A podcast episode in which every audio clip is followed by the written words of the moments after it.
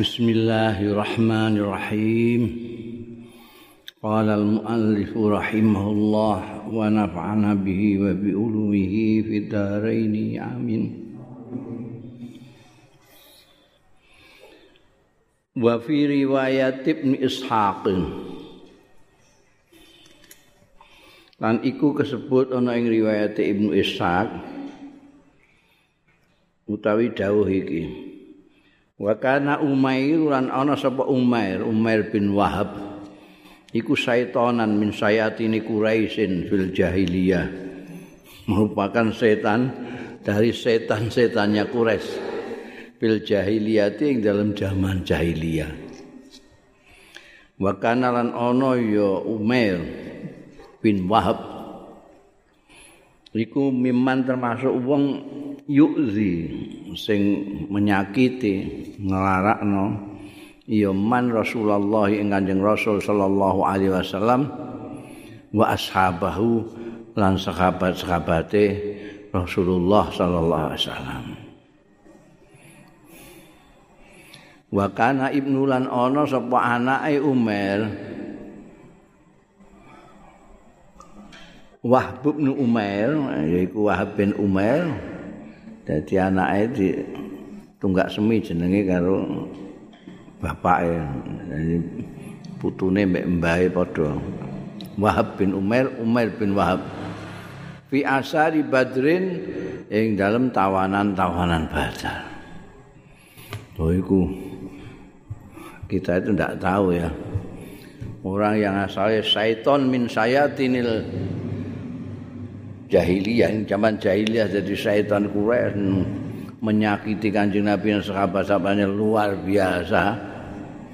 Itu setara dengan Umayyah bin Khalaf Abu Jahal itu gurih-gurih ternyata untuk hidayah Gusti Allah. Apa peristiwa melbu islami iku yo unik sekali. Rencananya saya harap mata ini kanjeng Nabi. Udah Gusti Allah mulak malik atine wong ya muqallibal qalb. Mulane kita tidak boleh memfonis orang uh, dalam perjalanan. Tidak boleh memfonis orang dalam perjalanan. Siapa tahu perjalanannya masih jauh.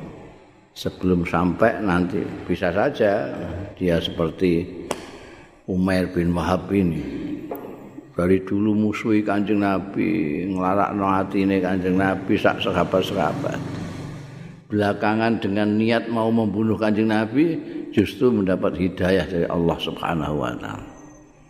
Ini contoh-contohnya wakil orang mau ikut dari Amr bin As Khalid bin Walid sampai turut Ikrimah bin Abu Jahal bahkan Sayyidina Umar sendiri. Sayyidina Umar dulu kan. Biar wah mbak kanjeng Nabi ketem-ketem berarti tapi belakangan ternyata Zikru Imran bin Husain Al-Khuzai radhiyallahu anhu.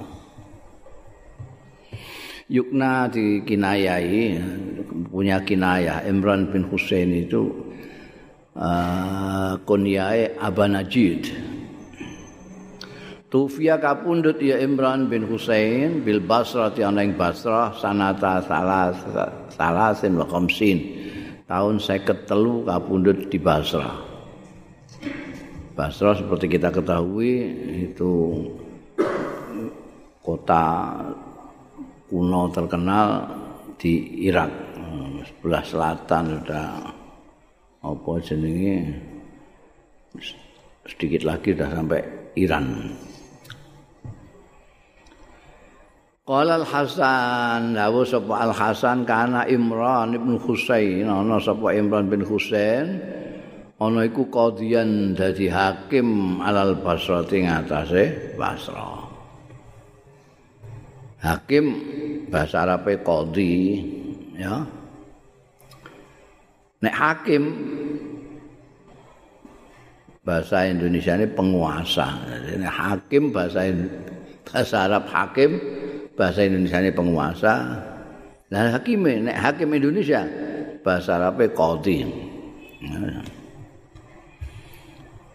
Waqala Muhammad bin Sirin seorang tabi'i terkenal lam yakun bil basrati min ashabin nabi ahadun ora ana bil basrati ana ing basra.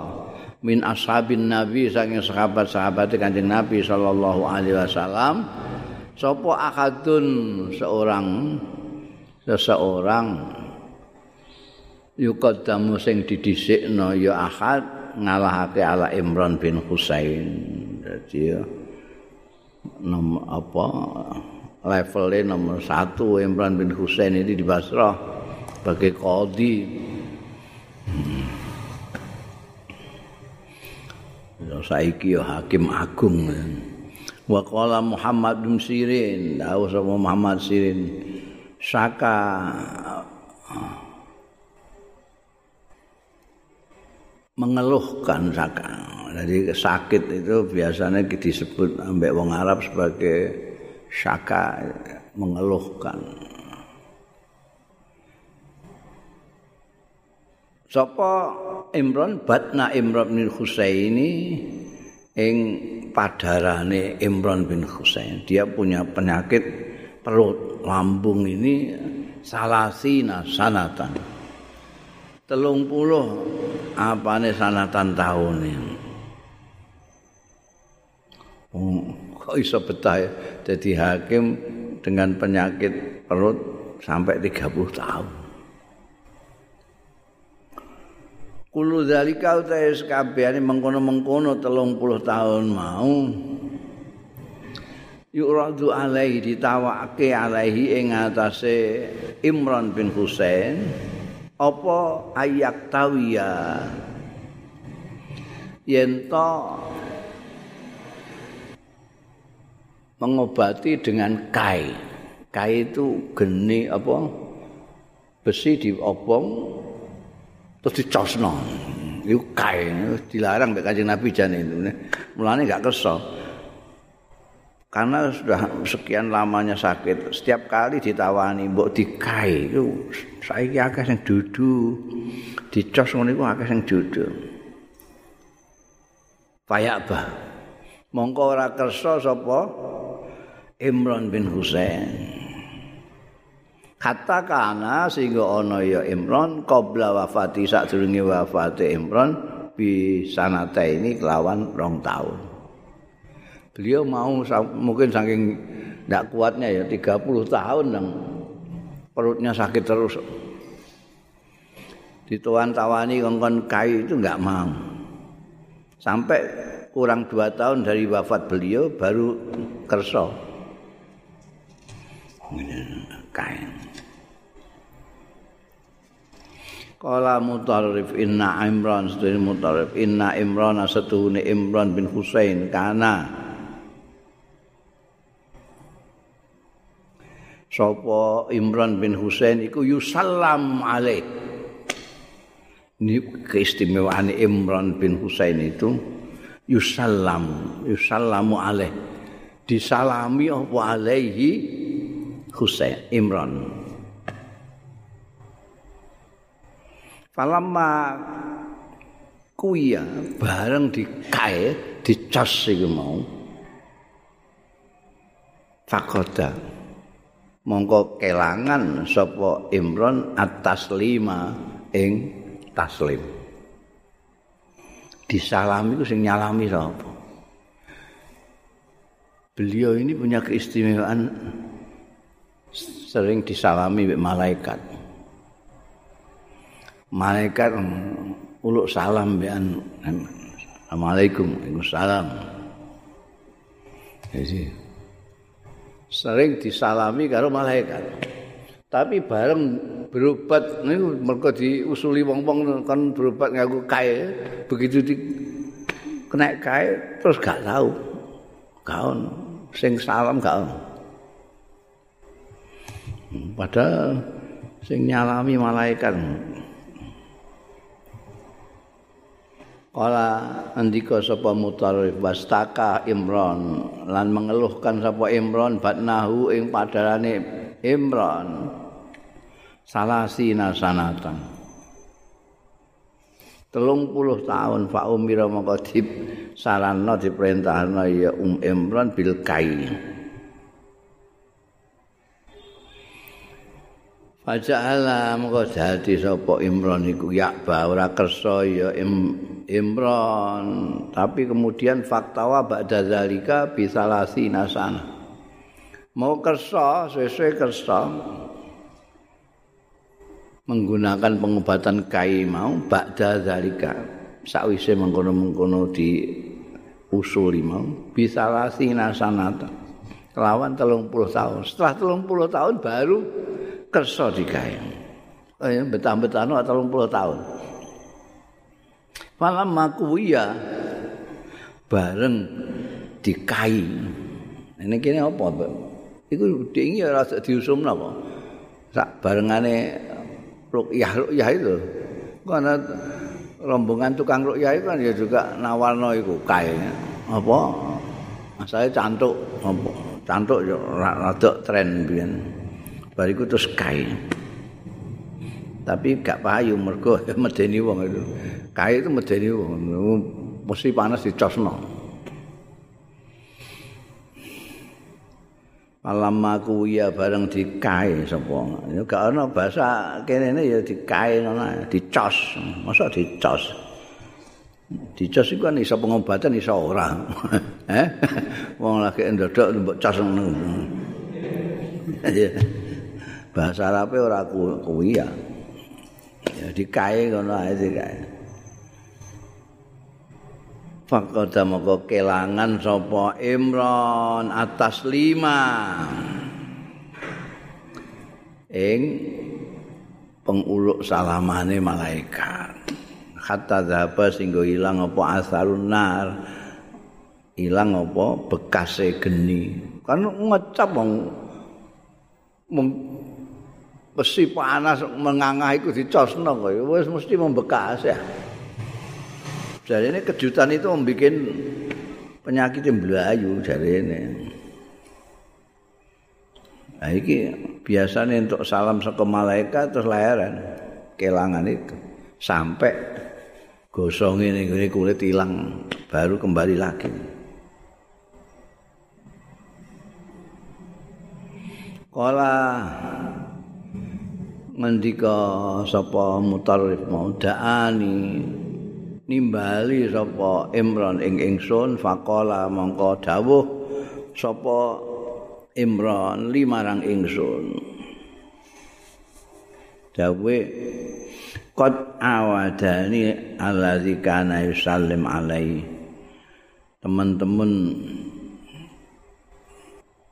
bola bali nemoni ingsun awadani baleni bola bali nemoni ingsun sapa allazi kana yusallimu alayya sapa allazi kana kang ana ya lazi ku yusallimu uluk salam alayya ing atase ingsun. Aku iku gawene bolak-balik ditekani allazi yusallimu ana sing nyalami aku saben-saben niku ana sing nyalami aku malaikat. Kultu matur sapa ingsun, min aina yusallam alaik? Saka endi? Saka arah endi? Yusallimu uluk salam sapa ladzi alaika ing atase anjenengan. Niku nek uluk salam king pundi Wong ora ketok ya malaikat king pundi niku. Ngajeng niku napa? Kala dawuh sapa Imran asmaut taslim. Aku krungu ing uluk salam an yamini saka tengenku wayasari lan kiwaku. Jadi aku janji jujuk-jujuk ana sing salam kok tengenku terus kok kiri.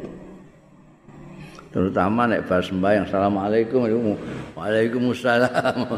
Kowe belayu tenan gak ketok. Gak ketok malaikat gak ketok. Jujuk-jujuk ana swara tok Assalamualaikum. Saka tengen wayasari. Kala ngendika sapa mutarrif, kultu matur sapa ingsun lahu marang Imran. Amma innahu ana eling-eling indah ustune kelakuan. Lau sallama alaika lamun uluk salam ya lazi alaika ing atase sampean min indirok sika saking arahe mustaka panjenengan. Kana ana nalika niku iku inda mautika ana sandinge wafat jenengan june kok kok tengen keng kiwa nek kendhuwur iso-iso jenengan kapundhut.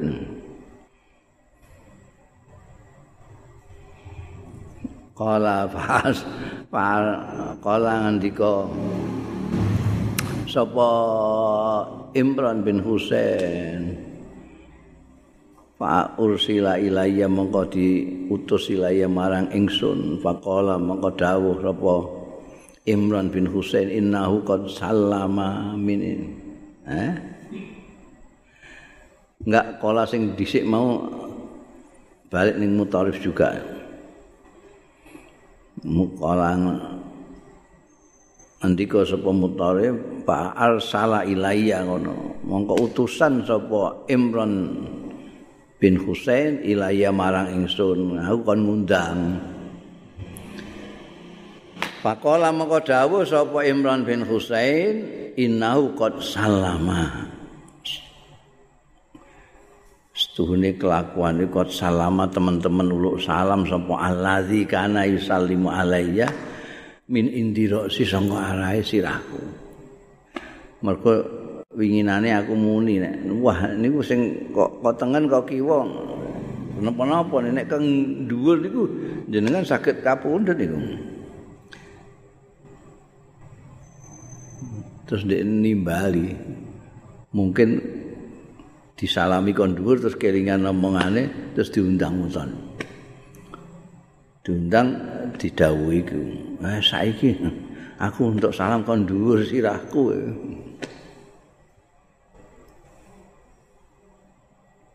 Ola lah. Ya aku darani alep alep aku dhek ingin semeni ngono sih. Manek kang dhuwur niku sampean saged pecah ngono. Aku terus matur iki bareng ndek beliau ngendika nek iki aku untuk salam kon dhuwur. Ola mak aku terus matur kala mutarif kultu aku matur. Inama kultu angin pestine ngucapake kula hu ing omongan niku. Nek saking dhuwur jenengan kapundhut. Inama kultu biro. Iye kelawan pendapat kula niku pendapat kula lho pendapat kula. Mboten kok mboten kok napa namine? Oh apa istilah wong wong Jawa nek ngarani mboten untuk apa jenenge mboten kok kisian mboten mboten mboten ramalan niku pendapat kula pendapat blok-blokon Dungan sing wedi nek darani alep-alep rene. Kala ndika sapa mutarif kok fawafaqa mongko nyocoke. Pemautuhu kapundute Imran bin Husain. Jadi pas untuk salam kondur itu mau, beliau ternyata kapundut juga sesuai dengan pendapat beliau ini mutarif. Wa fi riwayatin lan iku disebut ana ing suwijining riwayat an mutarrifin ing mutarrif kala ngendika mutarrif kala li Imran. Dawuh limarang ingsun sapa Imran bin Husain aku didhawuhi ala uhadditsuka bi haditsin ana kowe gak kepengin tak critani. Ento nyritani sapa ingsun ing sira bi hadisin kelawan hadis kelawan pangandikan kelawan cerita. Asallah mbok menawa Gusti Allah ayam faaka. Yen to paring manfaat ya Allah ka sira bihi kelawan hadis. Piye kowe tak critani piye? Cerita sing mbok menawa manfaat kanggo awakmu Nggih. Inna Rasulullah setuhune Kanjeng Rasul sallallahu alaihi wasallam iku jamaah ngumpulake ya Rasulullah baina hajatin wa umratin antarane haji lan umrah sumalam yanha anhu mongko keri-keri orang larang sapa Rasulullah sallallahu alaihi wasallam anhu saking jam'un baina hajatin wa umratin walam yanzilan ora tumurun. Apa kitabun? Kitab artinya ayat Quran yukhrimuhu. Sing ngaramake ya kitab hu ing ngumpulake jamun baina hajjah wal umrah. Hatta tuhfiya sehingga kapundhut ya Kanjeng Rasul sallallahu alaihi wasallam jadi kena Mulane ning gone haji itu ada tiga cara. Itu boleh semua. Jadi kue umrah sik engko terus haji. Bisa haji dulu baru belakangan umrah. Tapi bisa dicampur sekaligus jadi haji be umrah jadi ana siji. Ana haji kiron, ana haji apa jenenge? Ifrat. Ini berat jadi ono siji. Enggak ada larangan. Kantek kapundhut itu kanjeng Nabi enggak pernah melarang dan tidak ada ayat yang turun untuk melarang itu. Sehingga boleh. Itu cerita yang pertama tentang kanjeng Nabi tidak melarang untuk menyampur antara nek justru ora mbayar dam nek kowe kiron ambek tamatuk iku mbayar. Kiron ambek tamatuk itu ndewekno antarane haji karo umrah. Dhisikno umrahe utawa dhisikno hajine. Umrah itu hanya tawaf sa'i wis. Itu umrah kowe teko dok muter-muter Ka'bah wirawiri ning ngene Mas'a Sofa Marwah Sofa Marwah. Cukur wis umrah Ambek engko terus ngenteni kaji. Kaji mulai. Seperti itu tapi ditambah wukuf ning gone Arafah, nginep ning Musdalifah, balang jumroh ning gone Mina, terus tawaf ifadah. ning gone Ka'bah kaji. Utawa kaji sik ngono baru engko umrah. Iki dhewe nek umrah selesai iku ikhrame si, siji terus tahallul siji. Engko ameh kaji ikhram meneh. Tahallul meneh. Nek dadekno siji mau sepisan to. Ihram, nek buar kabeh lagi akal. Ya. Wa innahu kana Iki cerita yang kedua wa innahu lan kelakuan kana ana iku yusallamu alayya disalami apa alayya ing atase ingsun. Aku biasa disalami. Hak hatta iktawa itu sampai aku berobat nganggo kai alam aktawa itu mongko bareng berobat nganggo kai sapa ingsun. Rufi'a mongko diangkat apa zalika mengkono-mengkono taslim alaya ani saking ingsun ilang dilale aku bareng dicas iku Terus ora tahu untuk salah meneh saka malaikat itu.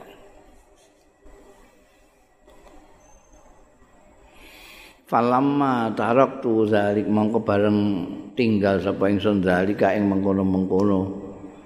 Kae ku mau aku wis lahiran wis ora tau tak baleni. Wong-wong demarani baleni nek durung mari wetenge wis ora. Mergo aku terus gak entuk salam ke malaikat rugi aku. bareng tarok tu dalik ada bali marang ilaya marang ingsun apa taslimul malaikati uluk salame malaikat-malaikat oh, ya ana sing istimewa untuk salam saka malaikat. Wa an Imran bin Husain radhiyallahu anhu saking Imran bin Husain kala ngendika sapa Imran bin Husain naha Rasulullah ngelarang sapa Kanjeng Rasul sallallahu alaihi wasallam anil kai saking kai iki jenenge pengobatan itu kai yaiku mau mesti dipanasi nganti merenganga cosno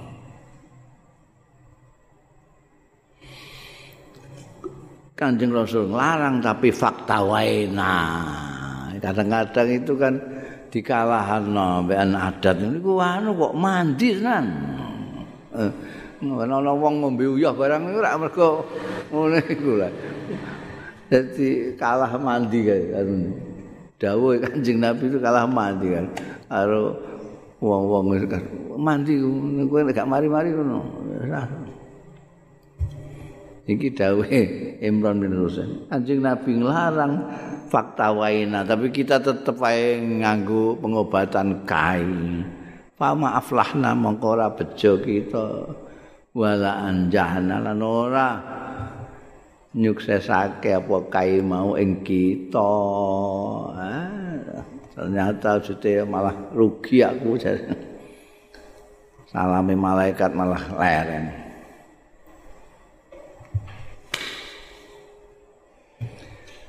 Bunda Zikru Utsman bin Abil As As-Saqafi radhiyallahu anhu.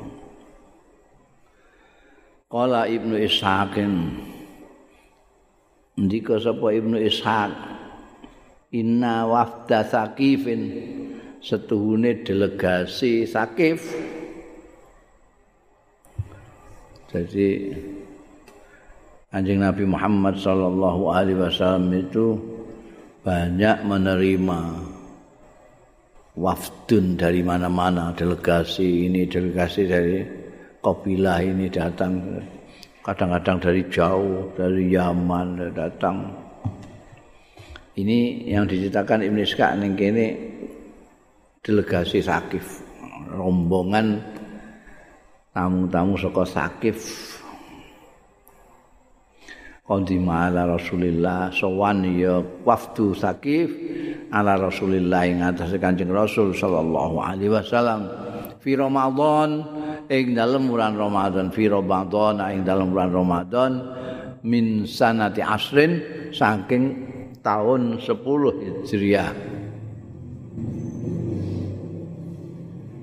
Faqadima mongko sowan alaihi. Ing atase Kanjeng Rasul sallallahu alaihi wasallam minhum saking sakif apa sittaturahtin enam orang enam kelompok. Jadi ada enam enam orang dari rombongan sakif itu yang sowan kanjeng Nabi pada bulan Ramadan. Kala ngendika Ibnu Iska wa kana Utsman lan ana sapa Utsman bin Abil As iku min ahdatsihim termasuk luweh nom-nome wafdu sakib sing nem mau. Dia paling muda sendiri. Apane sinan umure. Ada orang itu muda ngilmune, muda tapi ini muda umure makanya nom dewe Utsman bin Abil As dari rombongannya dari sakit tadi. Tapi akhrosihim wa akhrosim lan luweh perhatian. Luweh perhatian, luweh iya luweh perhatiane sakif, wafdu sakif ala qiraatil Qur'an ing atase maca Qur'an wal fikhi lan fikih pengetahuan fitine dalam agama ini dari sakib sakib itu saiki ning gone Taif. Tempatnya daerah Taif. Taif. Mereka datang kanjeng Nabi ya apa jenenge mau tanya-tanya soal agama, jaluk piwulang-piwulang, itu akeh tamu-tamu rombongan sing rawuh sowan Kanjeng Rasul sallallahu alaihi wasallam. Rombongan Bani Sakif itu kira sekitar enam orang. Itu yang paling muda itu Utsman bin Abil As tokoh kita ini. Utsman bin Abil. Tapi juga paling semangat, paling perhatian terhadap bisa maca Quran, kepengen ngerti agama itu paling semangat ini. Fakana mengkono sapa Utsman bin Abil As iku ya zamu netepi Abu Bakrin ing sahabat Abu Bakar. Oh, sang angger-angger mumpung dia datang dari Sakif kan datang sowan kanjeng Nabi. Terus dia gawe ini nih sahabat Abu Bakar.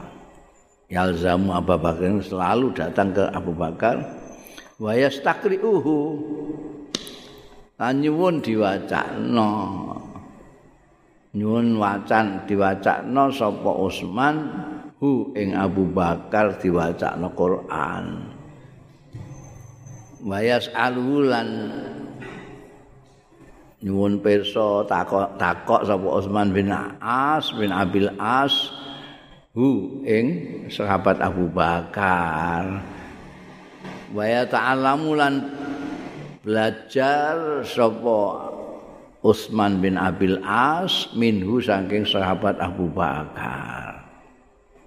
Nah, selama kunjungannya delegasi Sakif di Madinah itu yang namanya Utsman bin Abil Asing termuda ini ini selalu datang ke sahabat Abu Bakar minta dibacakan Al-Qur'an, tanya macam-macam soal agama. Pokoknya hasil ngaji lah sampai sahabat Abu Bakar.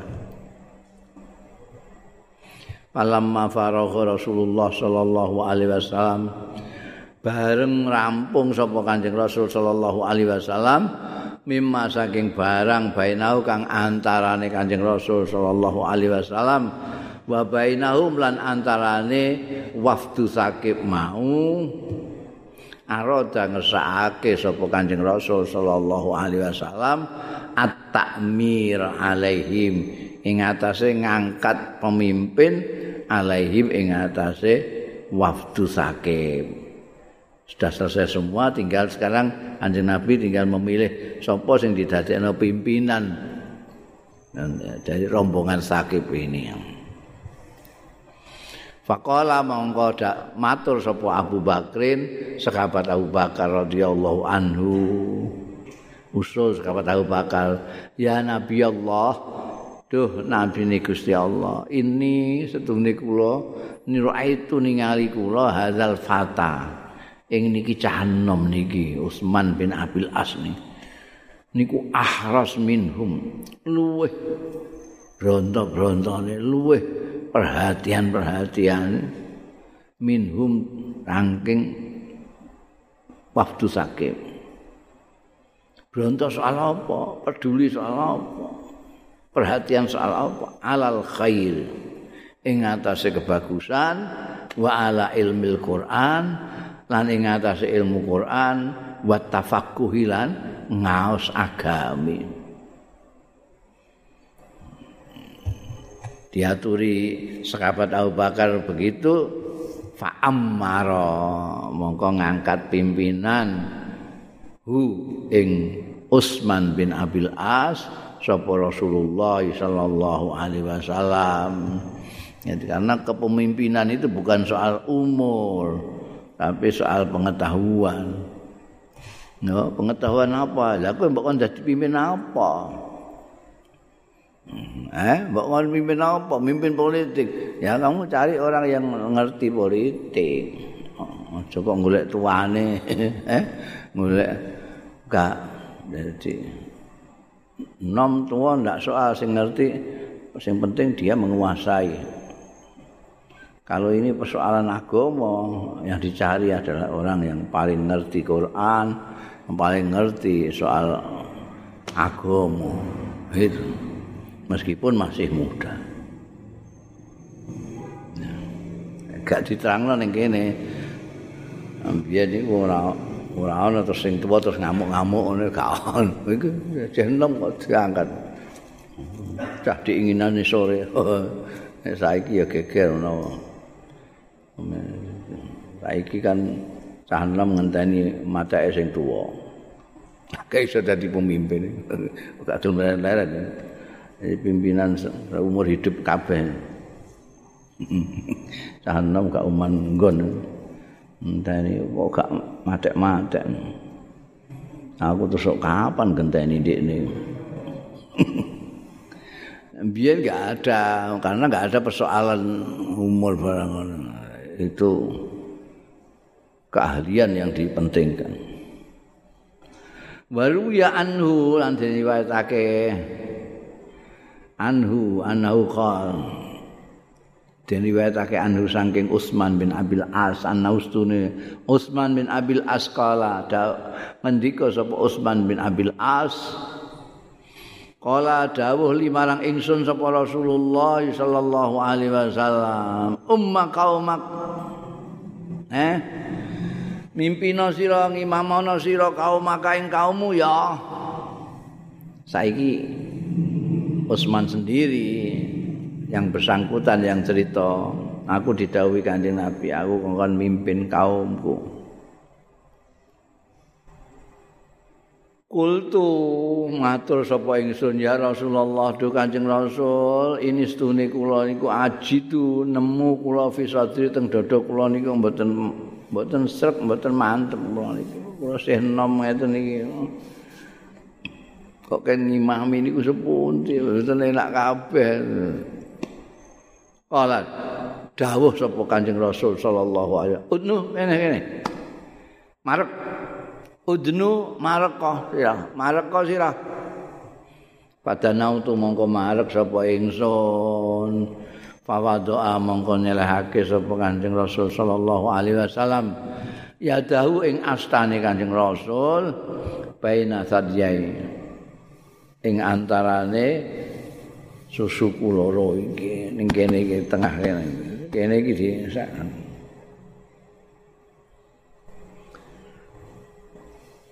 diletakno summa tahawala mongko keri-keri pindah kanjeng nabi fawadha ayadahu mongko nyelehake sapa kanjeng rasul sallallahu alaihi wasallam yadahu ing astane kanjeng nabi baina katifai ing antarane pundak.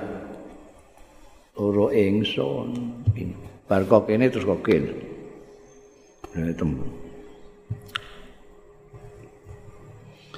kala kali-kali dawuh sapa Kanjeng Rasul sallallahu alaihi wasallam man amman nas sapa wong sing imami ya man dadi pemimpin annasa ing wong-wong fal yukhaffif mongko supaya ngentengno ya man. Kok ngoten? Mergo fa inna fihim mongko stune fihim iku ing dalem nas. Al kabira ana sing tuwa. Wa inna fihim lan setuhune iku ing dalem nas. Ad-dhaifa ana sing lemah. Wa inna fihim lan setuhune fihi miku ing dalem nas. Almarido ana wong sing lara wa inna fihim satuhune iku ing dalem nas. Zal hajati ana sing duweni hajat. Fa idza shalla ahadukum mongko tatkalane salat sapa salah siji ro kabeh. Wahdahu khalis wijine ahadukum. Fal yusalli maka sembahyang ahadukum kaifa sa'a. Kepriye karep sira. Yo itu. Jadi falsafat kepemimpinan di dalam Islam itu kayak wong salat gitu. Salat sing makmum kudu ngetutno jangan disiki jangan anu karo imame. Anut patuh imame rukuk baru rukuk mame sujud sujud ojo gaya-gaya imame wis jengengek ini tetap sujud terus bendarane luwih khusuk timbangane imame. Aturan niku ini eh, kehidupan berbangsa dan bernegara juga gitu. Gak untuk ono rakyat jelata gayane kaya pemimpin kan pemimpin itu dari besok kayak sembahyang. Nah, aturannya wong jadi imam. Ini pendidikannya kanjeng Nabi terhadap apa? Kader imam yang namanya Utsman bin Abil As. Kamu jadi imam artinya kamu diikuti orang banyak kamu hafal yukhafif ini prinsipnya gue nek jadi imam. Ojo malah bayang dewi cepet ra karuan. Bareng imam suwi ra karuan. Iku sing mbok pameri sapa? Aturane jadi kowe nek kepengin ngonangi wong pinter apa ora ya kon ngimami aja nek ngimami ini kok dodo wis antri anyaran ngono ae Hal yukhaffif diendeng. Kenapa? Alasannya apa? Sing makmum bilang-bilang. Nek karuan sing makmum ya wong iku ae santri ya sak karepmu kowe mbok jawabno cek ora. Malah nek sing apik iku sing demokratis iku imame kok ndesek mbekan jamaah. Piye ndak? Iki nganggo sabiki apa ina atau ina. Kali-kali pating celotet, ana sing sabiki ana inatena. Ya voting. Hmm. Saya ngacung sing sabiki pira? Wah kok akeh sing ina atau ina. Ya ina atau ina. Iku jenenge jamaah demokratis. Nganggo voting bareng. Ini uh, prinsipnya ya harus yukhaffif ini. Karena apa? Wong tuwa ana. Wae ana wong tuwa barang lan kowe ngimami mbok geradak ngono iku wae. Biasane nek traweh ngono iku wong tuwa-tuwa gak kuat makmum karo santri iku. Wong santri. Yasin Allah Akbar. Wong tuwane lagi ringkeh nek arep rukuk wis imame sujud. Allahu akbar. Lara kabeh awak kula niki nah. Wong kampung ngene gak ana sing melok jamaah pondok mergo gak kuat mbek imame imame gak berpihak kepada orang tua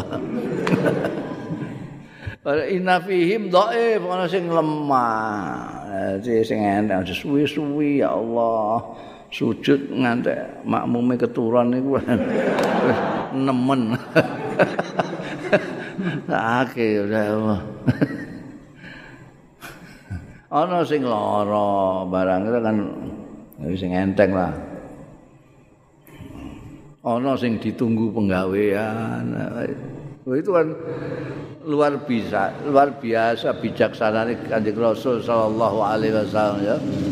ya pemimpin agung ya ngandani pemimpin-pemimpin gitu itu hidup intinya adalah memperhatikan makmum memperhatikan makmum Biar Mu'ad bin Jabal ditukani kanjeng Nabi kan gara-gara ngimami sembahyang Isya rakaat awal ngatamno Baqarah rakaat kedua ngatamno surat Nisa Mantek ana sing mufarokoh. Wah mufarokoh kok mufarokoh ini wis dengkule wis gemeteran. Duh. Dikatakan lagi mateng. Langsung lagi rekaat pertama wis mufarokoh. Buat terus diwajani munafik sak piturut ngantek. Mireng Kanjeng Nabi, Kanjeng Nabi sing didukani justru imame Muad bin Jabal. Kowe aja gawe fitnah kowe. Diikuti orang banyak. Ana wong tua ana wong dhaif ana wong lara ana sing tunggu penggawean nek kowe sembahyang dhewe fal yusalli kaifasa nek kowe sembahyang dhewe sak karepmu kowe ngatamno Quran kurang percayane silakan tapi nek kowe diikuti orang banyak kudu memperhatikan orang banyak oh ini persahabatan pemimpin juga gitu. Kalau menjadi pemimpin harus kepani dari pemimpin, kamu harus memperhatikan semua orang yang kamu pimpin itu. Ini ada yang doif, ada yang kuat, ada yang macam-macam. Dan sakarepmu dhewe ya rasa jadi pemimpin. Jadi rakyat jelata itu mah enak itu, eh. Enak sakarep-karepmu ngono turu meh segala macam lah urusan. Tapi nek jadi pemimpin dituntut untuk apa memperhatikan mereka yang dipimpin. Sing ngongkon dadi pemimpin sapa?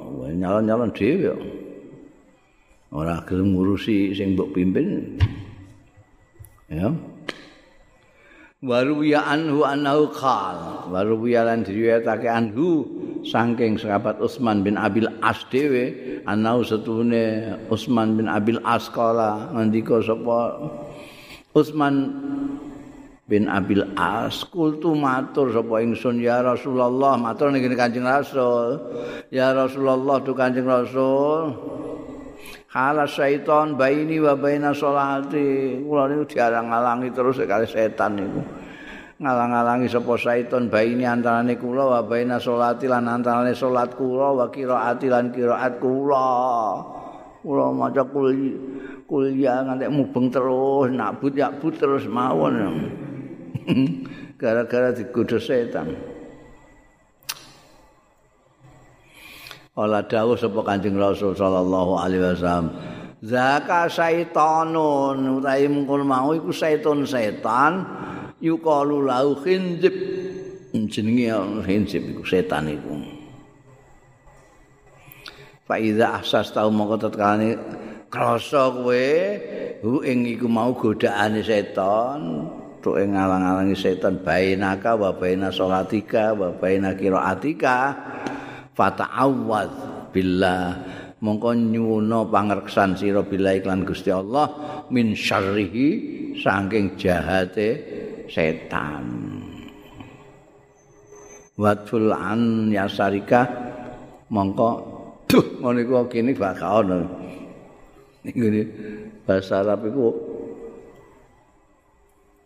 sesuatu yang dari mulut kita itu jenenge beda-beda berdasarkan apa hawa yang keluar dari mulut kita.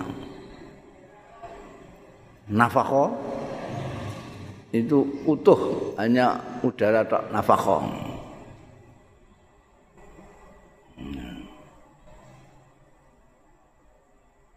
Nek basoko iku ana idune bus ana udara tapi metu idune sing akeh idune timbangane udara pok ha iku basaka nek tafara iki kaya wong nyuwuk.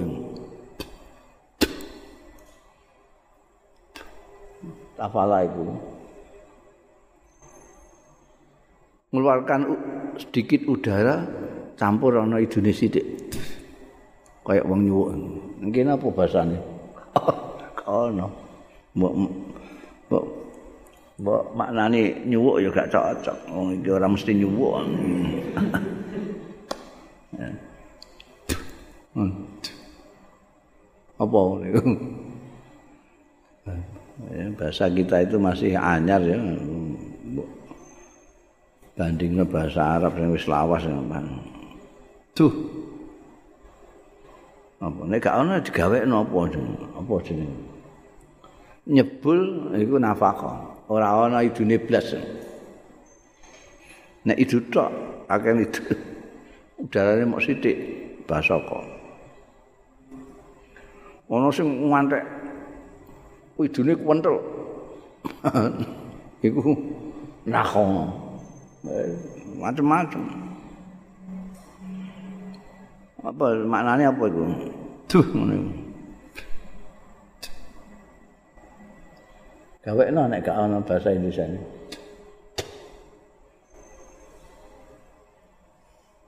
Hmm? Nyebul nyebul rada piye ngono. iku nyebul tok gak kena, nyebul iku gak ana banyune blas. Nyebul ana sithik. Tapi wong sarene gak ana bahasane ya nyebul gak apa-apa. Nyebul an yasarika saking kiwamu. Billahi minasyaitonir rajim. Ojo kaken engko kancamu sing pinggirmu ngono. Raup engko. Alasan ping telu. Ning kiwamu. Ya. Ana sing apa warane Imam Syafi'i itu nek sembayang on maca subhanal malikul qudusil khallaqil fa'al iya sya yudhibkum wa ya'ti bi khalqin jadid wa ma dzalika 'ala Allah bi azizin Mbok waca subhanal malikil qudusil khallaqil fa'al ping 7 subhanal malikil qudusil khallaqil fa'al subhanal malikil qudusil khallaqil fa'al subhanal malikil qudusil khallaqil fa'al ping 7 terus iya sya yuzhib kum wa ya'ti bi khalqin jadid wa ma dzalika 'ala Allah bi aziz. Insyaallah aku sembayang gak gak diridu. Sembarang kadang-kadang laki Allahu Akbar pikirannya tekan dindi. Ya. kan mak lampir bareng. Laki Allahu Akbar gitu dilalai ono kepikiran ku ono iya kan nastain. Mau iya kan nastain terus kelingan. Kang nastain itu neng di saiki? Oh iso tekan dindi apa iku kasil dadi mantune lurah ya cita-citane? Itu kan dindi eh imame Allah eh masyaallah wis rukuk itu ridu setan itu warane kanjeng Nabi mah Auzubillahi minasyarri syaitonir rajim. Ndal. Baru ya anulan dari riwayatake anhu saking Utsman bin Abil As anaustune sahabat Utsman bin Abil As atasowan ya sahabat Utsman bin Abil As Rasulullah ing Kanjeng Rasul sallallahu alaihi wasallam babihi wajah babilan iku kelawan Utsman bin Abil As wajah unutai penyakit loro waduh loro banget sowan kanjeng Nabi dalam keadaan sakit. Kala ngendika sapa Utsman bin Abil As, "Qad kadaya halikum." Meh-meh eh. mateni wajah ing ingsun. Rasane kaya meh mati-mati ya gak kuat aku. Kanjeng Nabi ini Masya Allah sakit sangat Allah betul kuat kalau ini Faqala Rasulullah iki jazah Kanjeng Nabi langsung ini ya. Eh catet iku iki iso dadi dukun kowe. Faqala Rasulullah. Eh iki ora gemen-gemen ora mau ijazah kiai Kanjeng Nabi. Faqala dawuh sapa Rasulullah sallallahu alaihi wasallam, "Imsah alaika yami bi yaminik." Ngusapno sira alaika ing ngarase awakmu bi yaminika kelawan tangan tengenmu. Sing lara apa weteng usap nganggo tangan tengen. Ping pitu. Sab amarat. Wah, wis nyaingi sing rukyah rukyah. Ping pitu, wakul ambek muni, wakul ngucap soal A'udzu bi izzatillah wa qudratihi min syarri ma Ana riwayat sing ukhadir, ini akhzar. Hmm. Nah iki kowe riwayat iki ya ahzar. A'udzu bi izzatillah qudrahi min syarri ma ahzan. Ping 7 ambek diusapno tujuh kali sambil mengucapkan a'udzu bi izzatillah qudrahi min syarri ma ahzan. Utawa min syarri ma ukhadir. Iku ana riwayat sing ukhadir ngaku. Nyuwun pangreksan kula bi izzatillah kelawan keagungane Gusti Allah wa qudratihi lan kekuasaane Gusti Allah min sarri mahzar saking jahate barang sing kuatir kula sing kuatir. Iki mau kuatir mati ngaten. Wong kadah ya likune. Lha tak praktekno kala dawuh sapa Utsman bin Abil As. Fa'adhaballah. Mongko ngilangake sapa Allah maing barang kana kang ana ya mabi kelawan ingsun. Lara kaya ngono mo sing kadaya likuni ilang. Palam azal mongko ora lebar-lebar kingsir-kingsir sapa ingsun amuru ngongkon sapa ingsun bi kelawan niku mau maca praktek kaya mau ahli ing keluargaku wa ghairihim lan liyane ahli. Terus tak apa? Ijazah ning dinti ku tak anak keluarga nek lara tak kon ngono. Kanca-kanca tangga-tangga kabeh wis pokoke nek tak ijazah iku mergo aku ngrasakno dhewe mandine iku mau. Wong aku kaya-kaya kadaya likune rasane kaya mati-mati ya tak usap ping 7 muni. A'udzu bi izzatillah qudratihi min syarri ma kok ilang blas? Ya itu catet iku. Iso mbok nggo nambani awakmu dhewe iso nambani wong. Nek nabi nambani wong aja mbok kai tarif sob.